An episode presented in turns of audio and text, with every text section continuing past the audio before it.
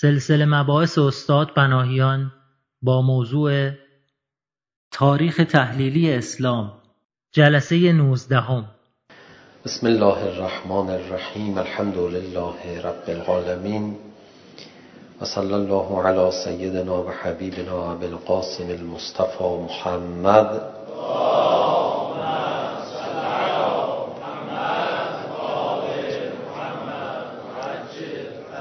وآله الطيبين الطاهرين المعصومين سيما الحجة بقية الله الأعظم روحي وأرواح الغالمين له الفداء اللعن الدائم على أعدائه مجمعين إلى قيام يوم الدين رب اشرح لي صدري ويسر لي أمري واحلل عقدة من لساني يفقهوا قولي خب ما میخوایم کماکان سفارش مقام معظم رهبری رو به عنوان یک استاد بزرگ تاریخ. البته استاد بزرگ تحلیل تاریخ درک تاریخ. عملیاتی بکنیم و میلیمتر به میلیمتر تاریخ حیات پیامبر گرامی اسلام رو با دقت مرور کنیم بریم جلو. البته به قدر بزاعت اندک بنده و فرصت جلسه. هنوز در دوران دعوت به سر میبریم و جریانی که اتفاق میافتاد دعوت پیامبر گرامی اسلام از مردم گفتگوهایی که رخ میداد. اینها رو میخوایم مورد مداقه قرار بدیم ببینیم دقیقا اون زمان چه اتفاقی میافتاد و چه اتفاقاتی میافتاد. هیچ هم عجله نداریم بریم جلو. به قدر کافی نیازمند هستیم به تأمل و تعنی درباره همین لحظه های ناب تاریخ حیات بشر. خب یه مقدمه عرض بکنم و بعد یک حرف کوتاه نه چندان بلند ولی معنای خیلی گسترده ای داره. شما همیشه زندگیتون باش انشالله همراه خواهید بود. آدم باید واقع بین باشه. و این واقع بینی رو بتونه به دیگران هم منتقل بکنه. خیلی ها مثلا در ارتباط با انقلاب واقع بین نیستن. در ارتباط با دفاع مقدس واقع بین نیستن. خیلی از شما جوان ها خداتون در صورت با دفاع مقدس بدون اینکه بخواید بدون اینکه کسی نقشه ای ریخته باشه یک واقع بینی ها ای رو ندارید شماها که اکثرا سنتون نمیخوره به دوران دفاع مقدس مثلا چی رو به عنوان واقعیت جبهه ها شما دقیق نمیبینید مثلا بنده معمولا مواجه میشم با این نگرش از جانب جوانها که فکر میکنن دوران دفاع مقدس جوانها همینجوری میریختن به جبهه. گروه گروه جوانهای مملکت رفتن جنگ دفاع کردن. اصلا این خبر نبود. شما خودتون الان یک هیئت خوب مذهبی هستید. فرض بفرمایید 5 درصدتون برن جبهه. چه فضایی میشه برای اون 5 درصد و برای بقیه؟ تو محیط های مذهبی حالا نمیگم تو محیط های انقلابی چیزی بیشتر از این بعید میدونم بود. و سنگر پشت جبهه رو که حفظ کنه؟ همه احساس مسئولیت میکردن. یا خیلی ها یا بعضی ها. اصلا نمیخوایم اینجوری صحبت کنیم. بی تردید توی جنگ یه عده‌ای بار بقیه رو به دوش کشیدن. گفتم اینو قبلا. یه جوانی اومده بود میگفتش که خیلی اوضاع خراب شده اینجوری شده اونجوری شده. خیلی شاکی بود. اصلا من باید با شما صحبت کنم. خیلی اوضاع اینجوری شده. باید یه اقدامی انجام داد. بعد دیدم که یک کمی هم داره میزنه به یأس و ناامیدی همینجوری ادامه پیدا بکنه چی میشه و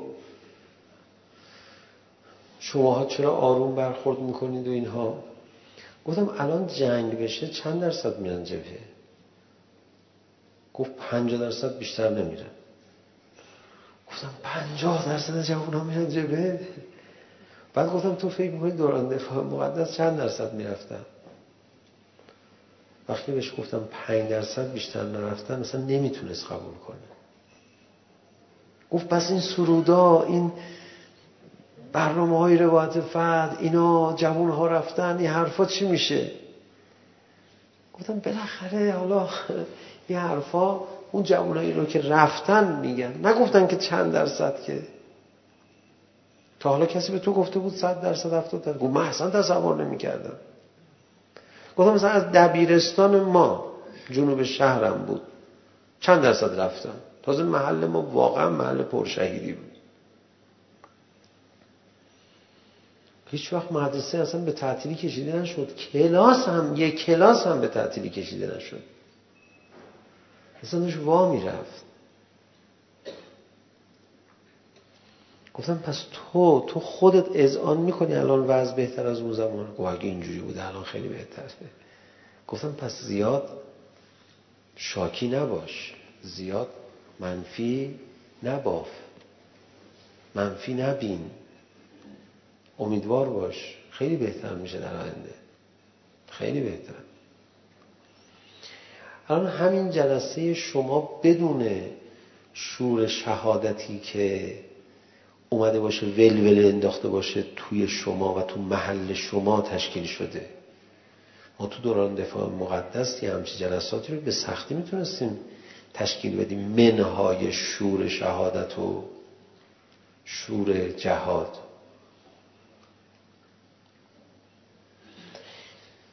شاید ده سالی کمتر. بله ده سال. شاید کمتر مثلا. نه سال. از دفاع مقدس گذشته بود مهدیه تهران. دعای ندبش تعطیل بود. من به دوستان مهدیه عرض کردم که به دعای ندبه رو را بندازیم. گفت مردم نمیان. زمان جنگ کمی می اومدن ولی نمیان. گفتم اتفاقا بیشتر از زمان جنگ میان. و کسی صبح زود بلند نمیشه بیاد. گفتم بابا مهدیه برای دعای ندبه است. حالا خود شماها شاید باور نکنید که اه تعطیلم بوده یه مدتی دعای ندبه الكسن میرفته الان 90 درصد شهرهایی که دعای ندبه نداشتن دعای ندبه های پرشور دارن یک تفاوت دیگه من نمیتونم حالا خیلی در این باره صحبت بکنم ولی ببینید خود شماها خیلی هاتون واقع بین نیستید یعنی نه اینکه بخواید واقع بین نباشید یا کسی بخواد شما رو گمراه کرده باشه نه. به طور کلی این پیش میاد. با یه مقدار فاصله زمانی 20 ساله بگو 30 ساله تصور دفعی نسبت به 30 سال پیش تغییر میکنه. الان خیلی اوضاع بهتره. من کسانی رو میشناسم که با اینکه اون زمان بودن حالا شما که اکثرا نبودید اون زمان ولی این واقع بینی رو ندارن. به من میگن تو چجوری میگی اون زمان بهتره؟ بعد میشینم بهش نشون میدم دونه دونه. میگه خب بله. میگم خب بله دیگه.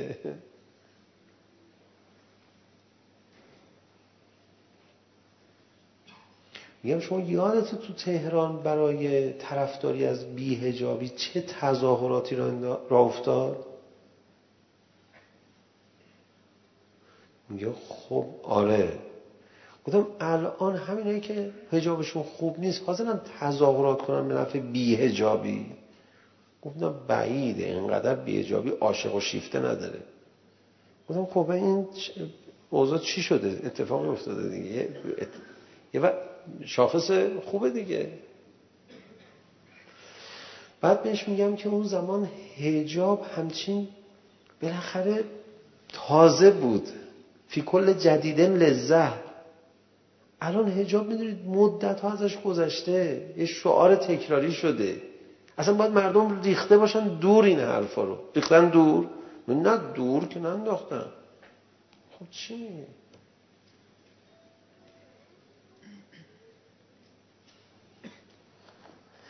نه اینکه بخوام بگم حالا من اصلا, اصلا بحثم این نیست خیلی بی ربطه به بحث با این چیزایی که دارم میگم ولی ببینید واقعیت رو دقیق ندیدن روشن نگاه نکردن به واقعیت چقدر بادم لطمه میزنه یا لطمه نزنه چقدر راحت برای آدم اتفاق میفته خیلی ها هستن دچار یأس ها ناامیدی ها منفی نگری ها منفی بافی ها میشم از سر اینکه درست نمیبینم حالا این درست ندیدن فقط تو این آیه نیست. تو خیلی چیزای دیگه هست. درست ندیدن نه برای شما جوونا یا بعضی از تحلیلگرا اتفاق بیفته بعضی وقتا برای علما بزرگش اتفاق میافتاد. در خاطرات حضرت امام رضوان الله تعالی علیه آوردن که بعضی از بزرگ بزرگاش تو عرصه سیاست تو حوزه یه ذره واقع بینی امامو نداشتن. یک ذره. اون درست میدید. امام که از جیبش نیورد این مردم بریزه تو خیابون که. بودن دیگه این تو خیابون بودن. امام به اون مرجع تقلید بزرگوار داشت میفرمود چی؟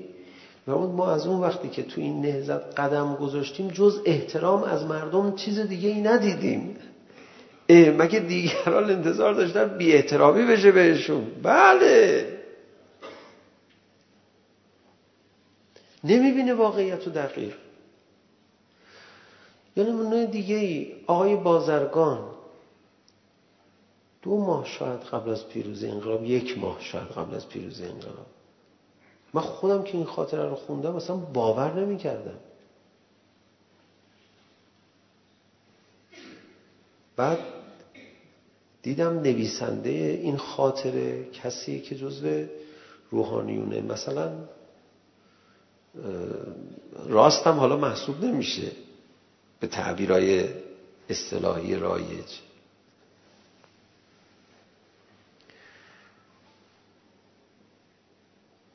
که بعضی از اون تیپ روحانیون خیلی تمایل به نهضت آزادی هم دارن. حالا ایشون رو نمیگم. ایشون میگفتش که آقای سنجابی و آقای بازرگان تو فرانسه اومدن پیش امام. امام فرمود که آها اینجوری گفتن. آقای بازرگان حرفش خلاصش رو نوشته بود. بعد خود ایشون هم نوشته بود خلاصه حرف آقای بازرگان این بود. یکم خلاصش رو نوشته بود بعد خودش هم جمع‌بندی کرده بود. که ایشون میگفت ایران سه چیز داره. رو ارکانش. یکی شاهه یکی ارتشه یکی آمریکاست شما برای اینکه ایران رو بگیرید انقلاب کنید حکومت رو عوض کنید باید از این سه تا رکن عبور کنید شاهو که نمیشه بیرون کرد اصلا شدنی نیست شاهو بشه با ارتش چی کار میکنید ارتش رو که دیگه نمیتونید طرف بشید ارتش هم بتونید آمریکا رو که نگه نمیتونید بیرون کنید از ایران حالا شما باید بخونید اون خاطره خاطره رو ببینید چه جوری ایشون مسررانه این حرفا رو میزد. بعد امام میفرمود چرا؟ شاه رفتنیه. ها چی شاه رفتنیه؟ اونا خب آدم های سیاسی بودن. اونا دستشون تو کار بود. اینقدر در سیاسی بودن و وارد بودن به مسائل مملکتی. جلوتر بودن از یاران حضرت امام که امام یه همچی آدمی رو که به هیچی اعتقاد نداره بعدش گذاشت نخست وزیر. ببین چقدر اینا مثلا در مملکت داری جلو بودن. حالا یه همچی آدمی داره امام به شما مشورت میده. واقع بینا نداره میگه. اصلا بحث آرمان نیست. بحث اسلام نیست. ایشون میگه آقا شاه که بیرون نمیره که. بعد امام جوابش این بود. شاه بیرون میره. ارتشی ها مال این ملت هم به دامن ملت بر میگردن من خودم اگه این حرف رو میشنیدم فوجعه میکردم. گفتم یعنی چی بر میگردن ما 17 شهریور رو دیدیم. بابام 15 خرداد 42 تهران رو برای من تعریف کرده. ما شکنجه های ساواکی ها و معمول های شاه رو دیدیم. یعنی چی به دامن ملت برمیگرده؟ من که اون زمان دانش آموز بودم ها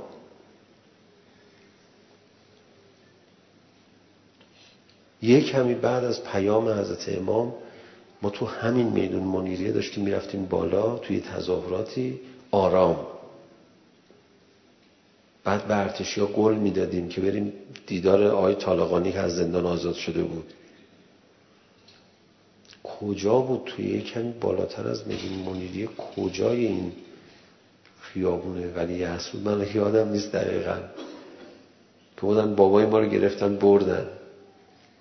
که رازیش بکنن جمعیت رو برگردونه جمعیت هم وایستاد تا ایشون برگرده. بعد ما گل میدادیم اینو گلوله نمیزدن. اصلا هیچ کدوم تکون نمیخوردیم. میگفتیم داره چه اتفاقی میفته صبر کنید. مثل اینکه داره یه اتفاقایی میفته بعد اینو آب الان شما تو تلویزیون هم جوری میبینید بله ارتش یا گل دستشونه اینجوری میشه شما هم نگاه میکنی و محمد شوهرگشت آسان شد آقای بازرگان سیاسی تر که ما نداشتیم اون برید ببینید تا یک ماه قبل از اینکه این گل دستش بگیره به چرخونه نظرش چی بود درست نمیدید امام فرمود که شاه میره بیرون ارتشی ها بر میگردن پن... در پناه مملکت آمریکایی ها گورشون رو گم میکنن. آقا چی آقا مذاکره به نتیجه نرسید. امام حالا به اینا چی میفرمود؟ فرمود شما هم برید بگید شاه بیرون بره. میگفت آخه شاه بیرون بره که نمیشه. حالا راه حل بازرگان چی بود؟ میگفت شما بذارید. ما فشار بیاریم اینا انتخابات آزاد برگزار کنن. نماینده بفرستیم تو مجلس. کم کم روشنگری کنیم. یک همه این حکومت رو به راه بیاریم. شاه بدون شاه که نمیشه این مملکت اداره کرد. چی میشه بعدش؟ بعد کم کم ببینیم به چه نتیجه ای میرسه. ما اون نه اینجوری نیست. شما برید بگید وایسید محکم شاه باید بره بیرون. گفتن مثلا نمیگه واخه معقول نیست هم چیزی. خب یکی دو روز گذشت اینا میخواستن خداحافظی بکنن. امام فرمود اگر قبول کردن شاه بره بیان خداحافظی کنن. اگه قبول نکردن نمیخواد خداحافظی کنن برن چند نفر معمور میشن بازرگان اون دیگه نفر دیگه هم بوده سنجابی موان نماینده جبهه ملی. اینا رو متقاعد کنه که آقا بیت بگید اینو. میگه تا صبح صحبت کردیم آقای سنجابی جبه ملی قانع شد قبول کنه؟ آقای بازرگان قبولش نکرد. آقای بازرگان گفتن خب پس امام دیگه باید خداحافظی نمیکنه. آقای بازرگان با قهر برگشتیم تهران. آقای سنجابی قبول کرد. به امام گفتن امام فرمود اینجوری به که قبول کردم فایده نداره. اطلاعی بفرستن همه جا پخش که شد بعدا من قبول میکنم. حرفش رو بعد بیارم مثل اینکه اطلاعیه هم فرستادن و گفتن خب امام بیان. ولی اونا طراحی کرده بودن یه عکس هم با امام بندازن. امام فرمود امروز نماز جماعت نداریم. مخواستم به سر نماز جماعت یه عکس هم بندازم. عکس دیگه نمیخواد. خدا بزی کنم برن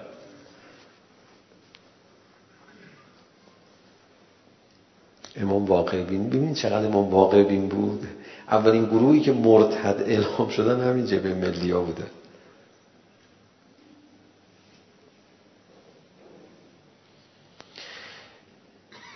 اینا میدونید فرق واقع بینیه الان واقع بینی میگه آمریکا هیچ غلطی نمیتواند بکنه ما از اون قدرتمندتریم نه ما جوجه های ما تو منطقه از اونا قدرتمندترن سیاسیون درجه یک حزب اللهی همین پارسال میگفتن حکومت اسد رفتنیه. نظام نباید بره پشت سرش وایسه. سیاسیون درجه یک حزب اللهی ها من نگم دیگه. دیگه آقای حزب اللهی ما که از شما کلی واقع بینی دیدیم یه دفعه چی شد چشما دوباره یه جور دیگه نگاه کرد. چی میشه؟ واقعا تو نمیبینی. من نمیدونم این واقعیت چی جور چیه که یه دفعه آدم چشماش بابا غوری میگیره نمیبینه درست حسابی واقعیت خدایا همیشه همه پدیده های عالم همونجوری که هستن به ما نشون بده. اللهم ارنا الاشیاء کما هی.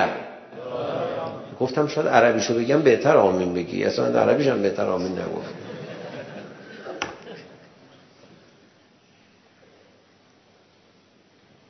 خوش به حالتون همیشه واقعیت رو همونجوری که هست میبینید و والا.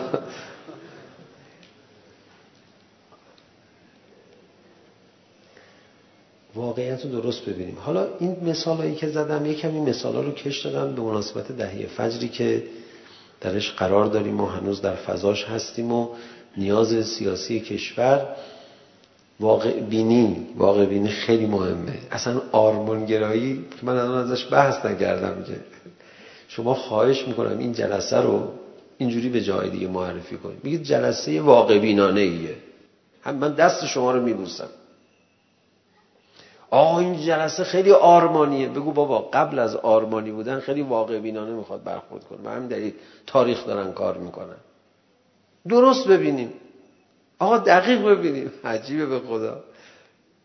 این که دیگه بحث ارزشی نیست. مثلا نمیدونم این کلمه ارزش از کجا اومد. معادل عربی و آیه و قرآنی ارزش چی میشه؟ بگید کمک کنید. من بلد نیستم یه بگید الان ارزش ها را پاس بداریم این ارزش چیه؟ مثلا عربی چی میشه؟ نه مستاقشو نگید. مثلا خود این مفهوم. چی؟ شعائر نه شعائر یعنی نشانه های خدا کرامت که یعنی مثلا حرمتی که برای یک انسان یا یک چیز قائلی کرامت کرمنا بنی آدم ما انسان رو مورد احترام قرار دادیم اکرمکم عند الله اتقاکم مورد احترام ترین شما پیش خدا میگن آقا مهمان رو اکرام کن لا یکرم الرجل فی بیته آدمی که تو خونه خودش هست نمیخواد بهش احترام بگذاری. یعنی ارزش نداره این آدم نه. یعنی احترام نذار. این بذار احترام بذاره به مهمون. حالا دیگه مهمون بگه نه شما بفرمایید. نه خواهش ما شما. بابا صاحب خونه رو تو خونه احترام نمیکنه. و هر چی گفت گوش بده دیگه. اون باید به تو احترام بذاره. اکرام اینه دیگه. ارزش نش نفهمیدم. من بالاخره عربی چی شد؟ نداریم. راحت بگو. خب بگو. خلاص میکنه الان سرچ کرد دید نداریم گفت نداریم چرا نداریم بابا باید من فکر میکردم تو قرآن همش از اول تا آخر در مورد ارزش ها صحبت کنه ارزش ها را پاس بدارید ارزش ها خیلی مهمن ارزش بابا قرآن سراسر از واقعیت صحبت میکنه واقعیت قد افلح من زکاها واقع بینانه است. ان احسنتم احسنتم لانفسکم و ان اسأتم فلا و من اعرض عن ذکری فان له معیشتا زنکا. من یتق الله یجعل له مخرجا و یرزقه من حیث لا یحتسب. ولو ان اهل القرى امنوا واتقوا لفتحنا عليهم برکات همه اینا از واقعیته داره صحبت میکنه. سنت خدا تغییر نمیکنه قواعدی است که روی زمین برقراره. یک سلسله واقع بینی است از اول تا آخر. تا رفت تو آخرت دیگه واقع بینی نیست اونم واقعیته. آخرت هم همش واقعیته. دنیا هم هر چی هست همش واقعیته. خود خدا هم همش واقعیته. کی بود اولین بار این ارزشا رو انداخت سر زبون ما؟ یعنی می‌خواستم بگن امور واقعی امور ارزشی امور واقعی امور معنوی. آخه اینجا دیگه جایش جاش آدم بگه لام است ولی خب نمیشه این اصطلاحات رو منبر به کار برد آخه مرد حسابی مگه امور معنوی و امور قیامتی و الهی و اینا واقعیت نیستن اونا واقعا واقعیت های بزرگتری هستن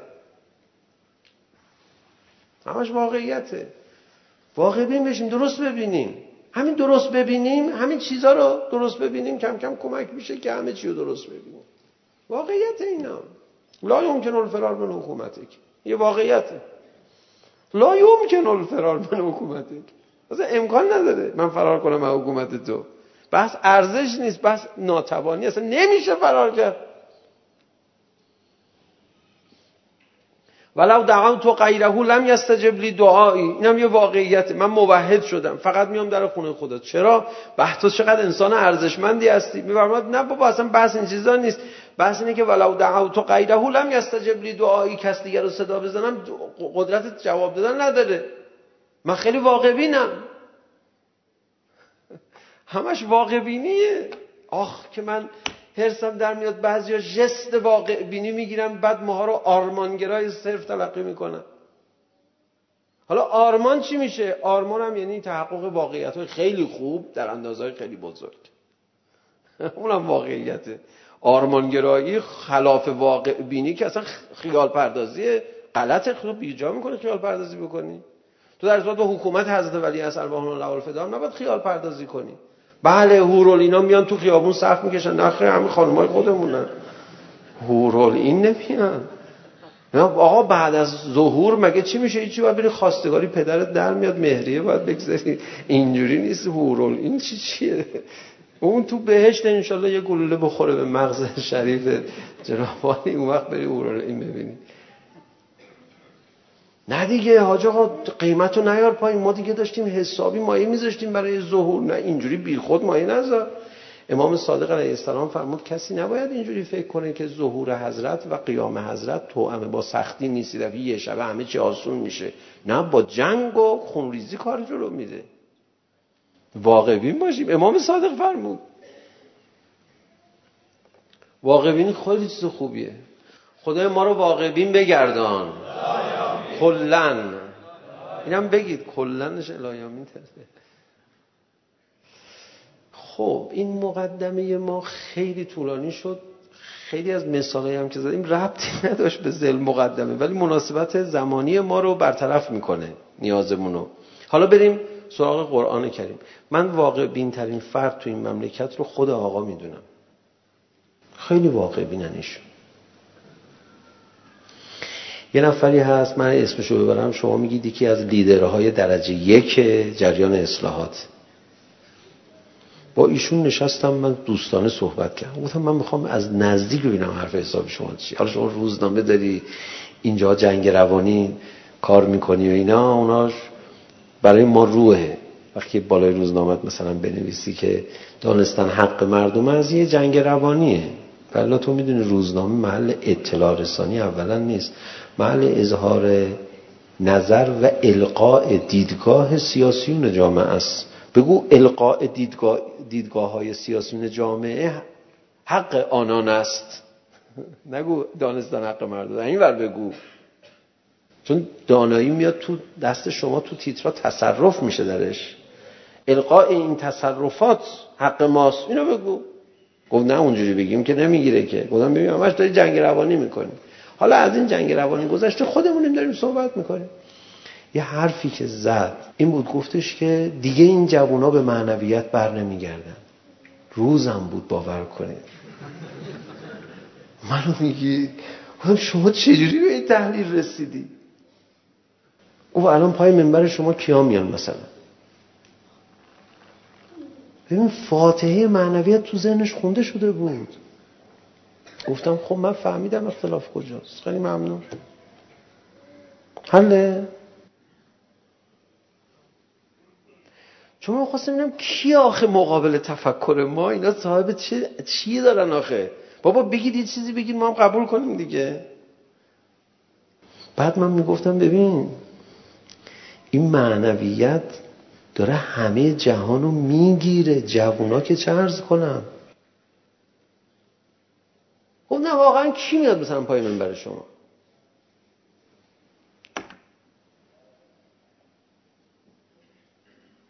خیلی عجیبه میگفت دیگه برگشته به معنویت نداریم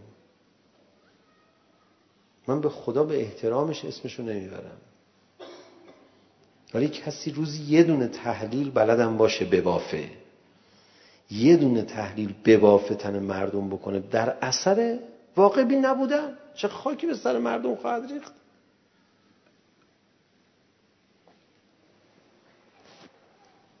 من خواهش میکنم از انقلابیون ادبیات خودشون این مقدار تغییر بدن. ارزشی بحث نکن واقع بینانه بحث کن. واقعیت ها امروز همه به نفع توه. بله زمان جنگ ما نداشتیم یه گلوله بزنیم تو جبهه. اون گلوله باران میکرد ما رو. واقعیت اون روز به نفع ما نبود. ما میخواستیم حرف بزنیم باید از به قول شما از ارزش ها حرف میزنیم. ولی به قول ما بازم از واقعیت های خیلی بزرگ حرف میزنیم. خدا خیلی قدرت داره. ها؟ اونم واقعیته. اونم واقعیت خیلی بزرگ داره ولی الان که دیگه اینجوری نیست که. چی شد آقا؟ واقع بینی ادبیاتتون رو ببرید به سمت واقع بینی.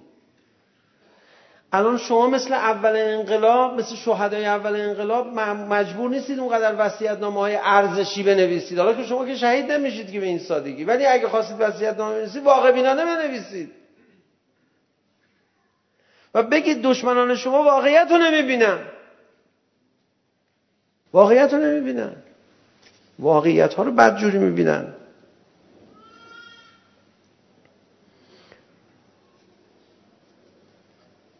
خب خدا انشالله ما رو از واقع بینی جدا نکنه. ما امشب میخواستم کم حرف بزنم و ببین نشد. حالا بریم چی میخواستی بگی. من میخوام بگم آقا واقعیت تاریخ پیامبر گرامی اسلام رو یه گوشش رو امشب میخوام به شما نشون بدم که معمولا دیده نمیشه.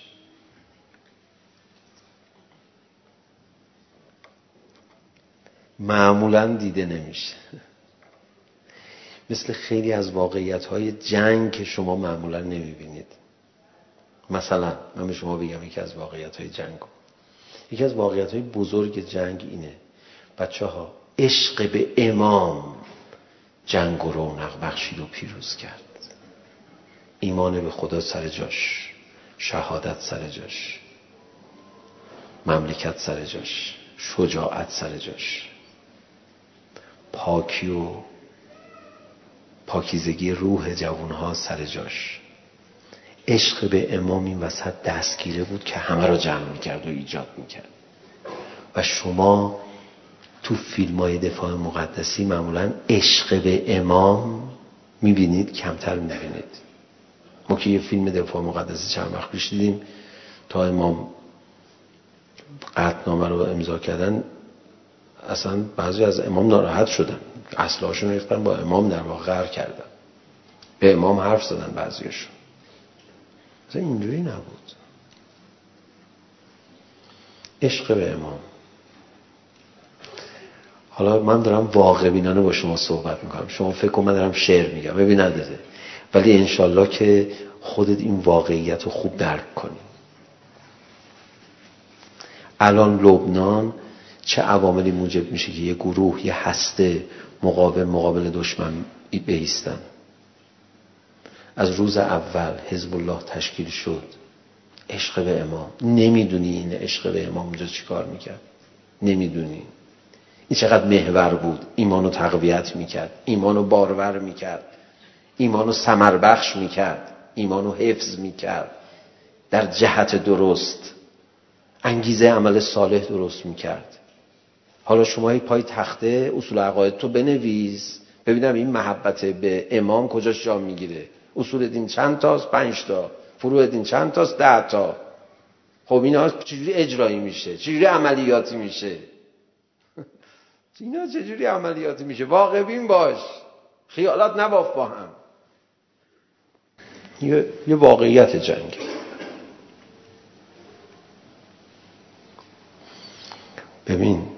بچه ها رو عشق به امام راه مینداخت کسی ازشون میپرسید اگه کشته شدی چی؟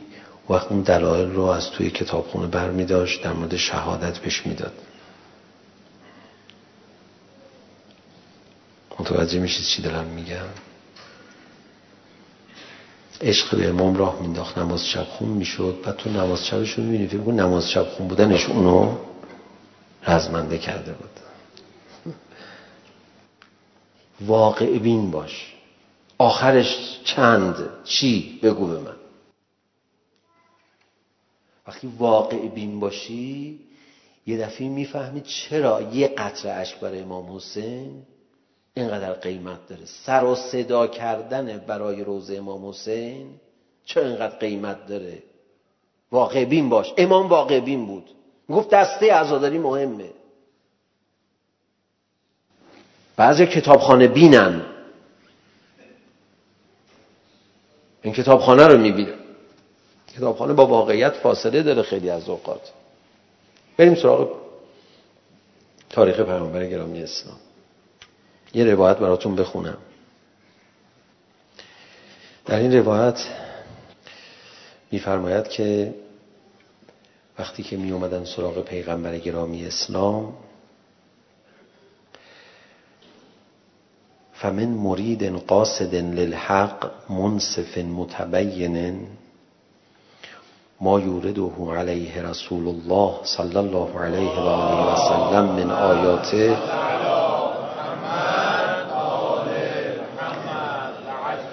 ويظهر له من معجزاته اگه یک کسی اراده میکرد که قصد میکرد که حق رو بفهمه منصفم بود این معجزات و دلایل و بالاخره آیات پیامبر گرامی اسلام رو میدید. اول آیات رو ذکر فرمودن بعد معجزات رو. یتلو علیهم آیات بحثاشو کردیم. فلا یلبث ان یسیر احب خلق الله تعالی الیه و اکرمهم علیه. میفرماید که هر کسی می اومد به پیغمبر ایمان می آورد بلا فاصله بعدش چه اتفاقی می افتاد بعد از یه مدت اندکی محبوب ترین شخصیت تو دنیا پیشش می شد پیغمبر و گرامی ترین آدم ها پیشش می شد پیغمبر بذارید نقطه مقابلش هم بگم بعضی ها در نقطه مقابل چجوری می شدن؟ به شدت از پیغمبر نفرت پیدا می کردن نفرت عجیب غریب نفرت بیدلیل جگرش خنک میشد این شکم به سر شکم به شطور رو مثلا سر رسول گرامی اسلام خالی میکرد. آه چی کارا چی میکنی؟ خب قبول نکن برو. ایشون که حالا فعلا که خطری نداره که. نه به خاطر خطرش نه به خاطر آینده نگریش. همین الان میخواد بکشه پیغمبر رو. میگه آقا من پول خونش رو میدم. بذار من بکشمش. بابا چرا میخوای بکشی؟ بعضی از اصحاب پیغمبر رو تیکه تیکه میکردن. ای بابا تو چه نفرت پیدا کردی خبری نشده که ایشون چیزی از شما نمیخواد تهدیدی نکرده حکم جهادی نیومده قدرت شما رو به مخاطره ننداخته که اینا اونقدر محاسبه گر نبودن بیشنن فکر کنن که مثلا چی ایشون در آینده چه می شود ما نفرت نفرت در این ور آقا محبت درست میشد. محبت محبت. این واقعیت تاریخ صدر اسلامه. اسلام اولین کاری که کرد پیغمبر اکرم رو محبوب کرد. چقدر محبوب؟ که خیلی راحت براش جون میدادن. چقدر محبوب؟ چقدر منفور شد رسول خدا پیش کفار؟ خیلی راحت در راه کشتن او کشته می شدن از شدت نفرت. داشت میمرد توی یکی از جنگ ها گفت منو رها کنید. من فقط نگران اینم که یتیم عبدالله یه روزی پاش برسه مکه. ابو سفیان آرومش میگه میگفت نه ما نمیذاریم. تو خیالت راحت باشه. اون مطمئنی من با آرامش بمیرم حالا میخواد بره جهنم ها با آرامش رفت جهنم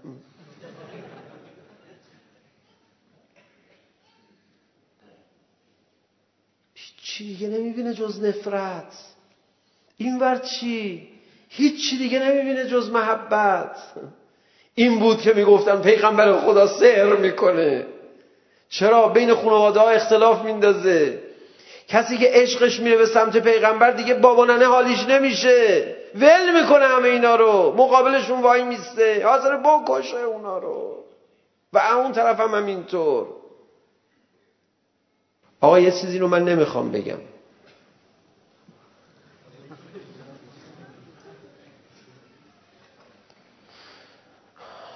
چون کسی تو فضای بحث نباشه ازش سو استفاده میکنه.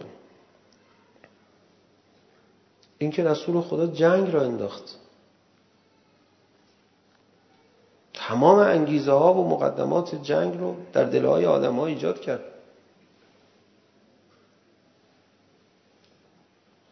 آقا رسول خدا خودشون حرکتشون مسالمت آمیز بود. فوق العاده مسالمت آمیز حتی سالهای اول کسی رو دعوت نمی کردن میفهمدن خدا به من وحی میرسونه. خب حالا ما چیکار کنیم من کاری ندارم با شما اینقدر مسالمت آمیز شروع کرد دعوا رو این حب و بغضا درست کرد رسول خدا نمیتونست به یارانش بگی کم منو دوست داشته باشید به اونا نمیتونست بگی کم از من تنفر داشته باشید یک اتفاقی افتاد این واقعیت رو ندیده نگیرید هی فکر نکنید مردم چرت که اعتقادات انداختن چرت که اخلاقیات انداختن عشق بود کار رو تمام کرد محبت. می اومد شدیدن به رسول خدا محبت داشت. می گفت من هر روز شما رو نبینم اصلا نمیتونم. هر روز صبح میومد رسول خدا رو میدید بعد میرفت سر کارش. بعدی که میگن رسول گرامی اسلام وقتی این می اومد تو جمع بود اینجوری می نشست اون ببیندش. بعد میرفت. یه روز برگشت داستان ها داره این آدم. برگشت دوباره دیدم آقا فرمود کاری داری این دفعه؟ گفت نه همون همونه. دوباره دلم تنگ شد. گفتم دوباره بیام ببینم. عشق پیغمبر چه می کرد در دلهای مؤمنین؟ البته امیر امیرالمومنین یه اشاره ای دارن. شما میگه این عاشقا کجا بودن؟ امیر امیرالمومنین بعدها در یه سخنرانی فرمودن چی شد؟ خوبا شهید شدن. بدا موندن. عجب سخن دردمندانه ای بود. این یه کلمه است. تاریخ رو بهت نشون میده. همش رو برو باش صفا کن. حل شد مسائل تاریخ برات. اصلا انگار عاشقش میشدن و پرواز میکردن. جز قلیلی نموندن. این عشق این محبت کار کرد. محبت به ولی خدا. من نمیدونم رسول خدا رو خدا فرستاده چیکار بکنه. فعلا که محبوب شده. از این محبت قدرتی فراهم اومده. چه میکنه این محبت؟ امام هم تو جامعه ما همین کارو کرد. محبت همه چی رو انداخت.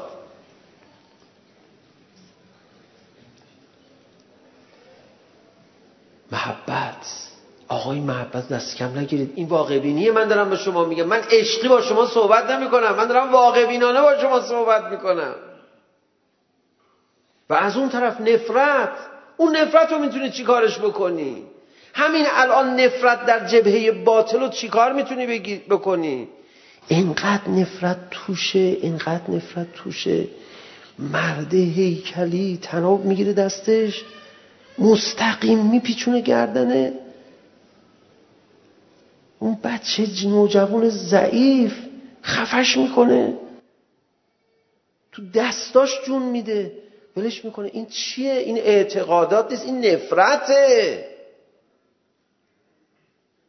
این نفرته تو قلبش جمع شده این جنگ نیست سرباز جنگی اینجوری بیرحم نمیشه مگر توی لحظه های خاص جنگی کمتر پیش میاد جنگ از سر نفرت این تروریست ها جنگ از سر نفرت دارن میکنن شکنجه میدم. لذت میبرم. از این ور محبت. محبت. میگه آقا حرم حضرت زینب سرباز میخواد. دیگه هیچ چی رو نمیبینه. اصلا دیگه هیچ چی رو نمیبینه. تا همین دیروز داشت زندگیشو میکرد. یه لطمه زخم کوچولو رو پاش میافتاد. میگفت آ چه خبرته؟ پامو زخم کردی؟ واقعا یه خراش ساده افتاده بود. میزد داغونت میکرد. الان جون چیه؟ این واقعیت واقعیت اینه. امام زمان هم با همین واقعیت میاد جهان رو میگیره. بیاد محبوب میشه. نقل محفله ها محبت اوست.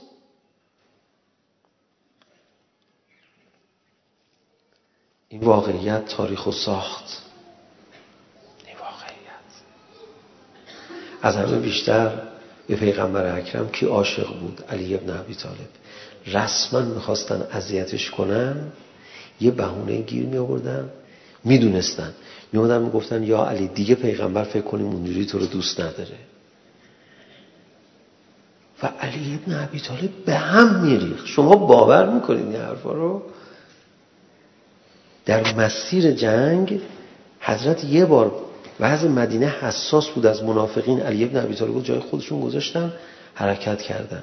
گفتن یا علی مردم تو رو دوست ندارن. روایتش هست. پیامبر اکرم تو رو دوست داره. مردم که بیخیال پیامبر اکرم تو رو دوست نداره.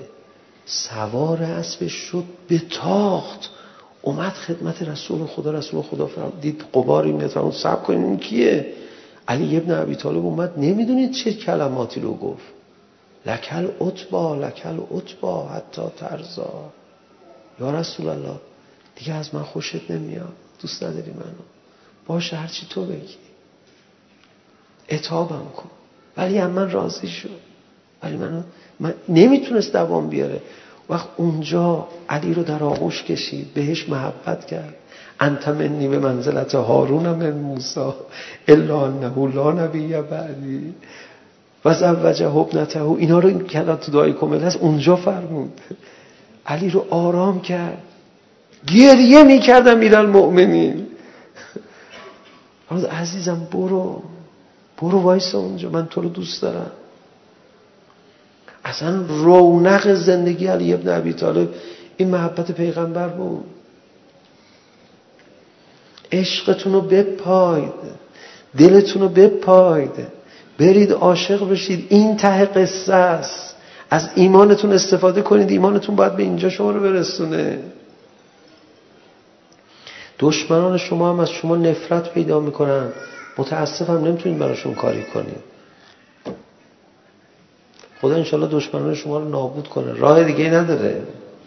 ریشه همشون رو بکنه از رو زمین.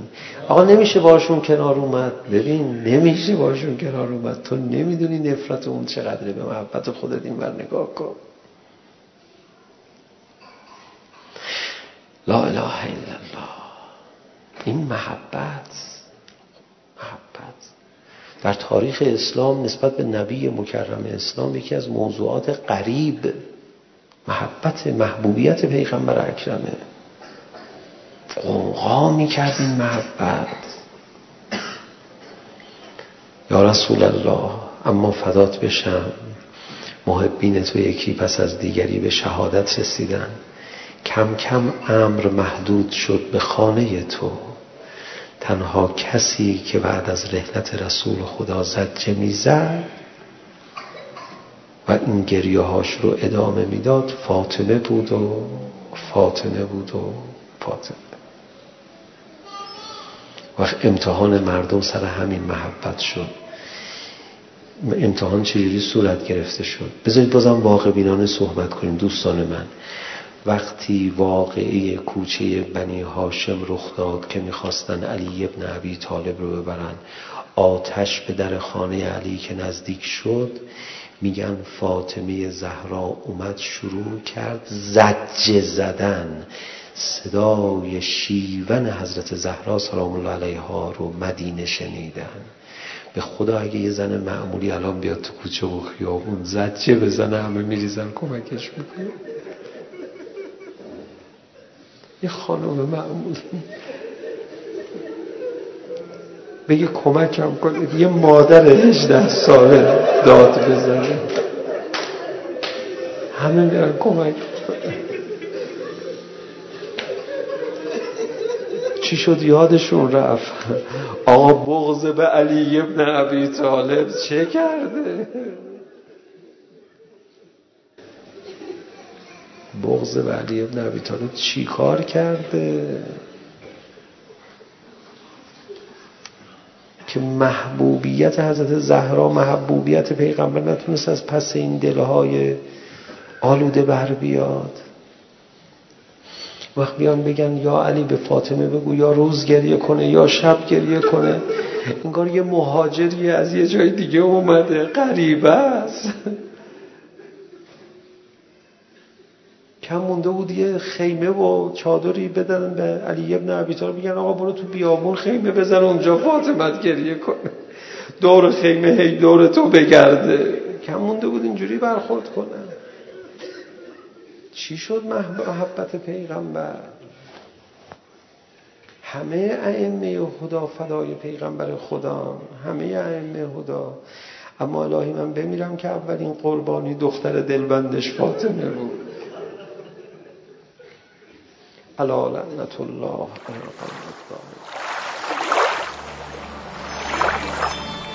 بیان معنوی نقطه آی آی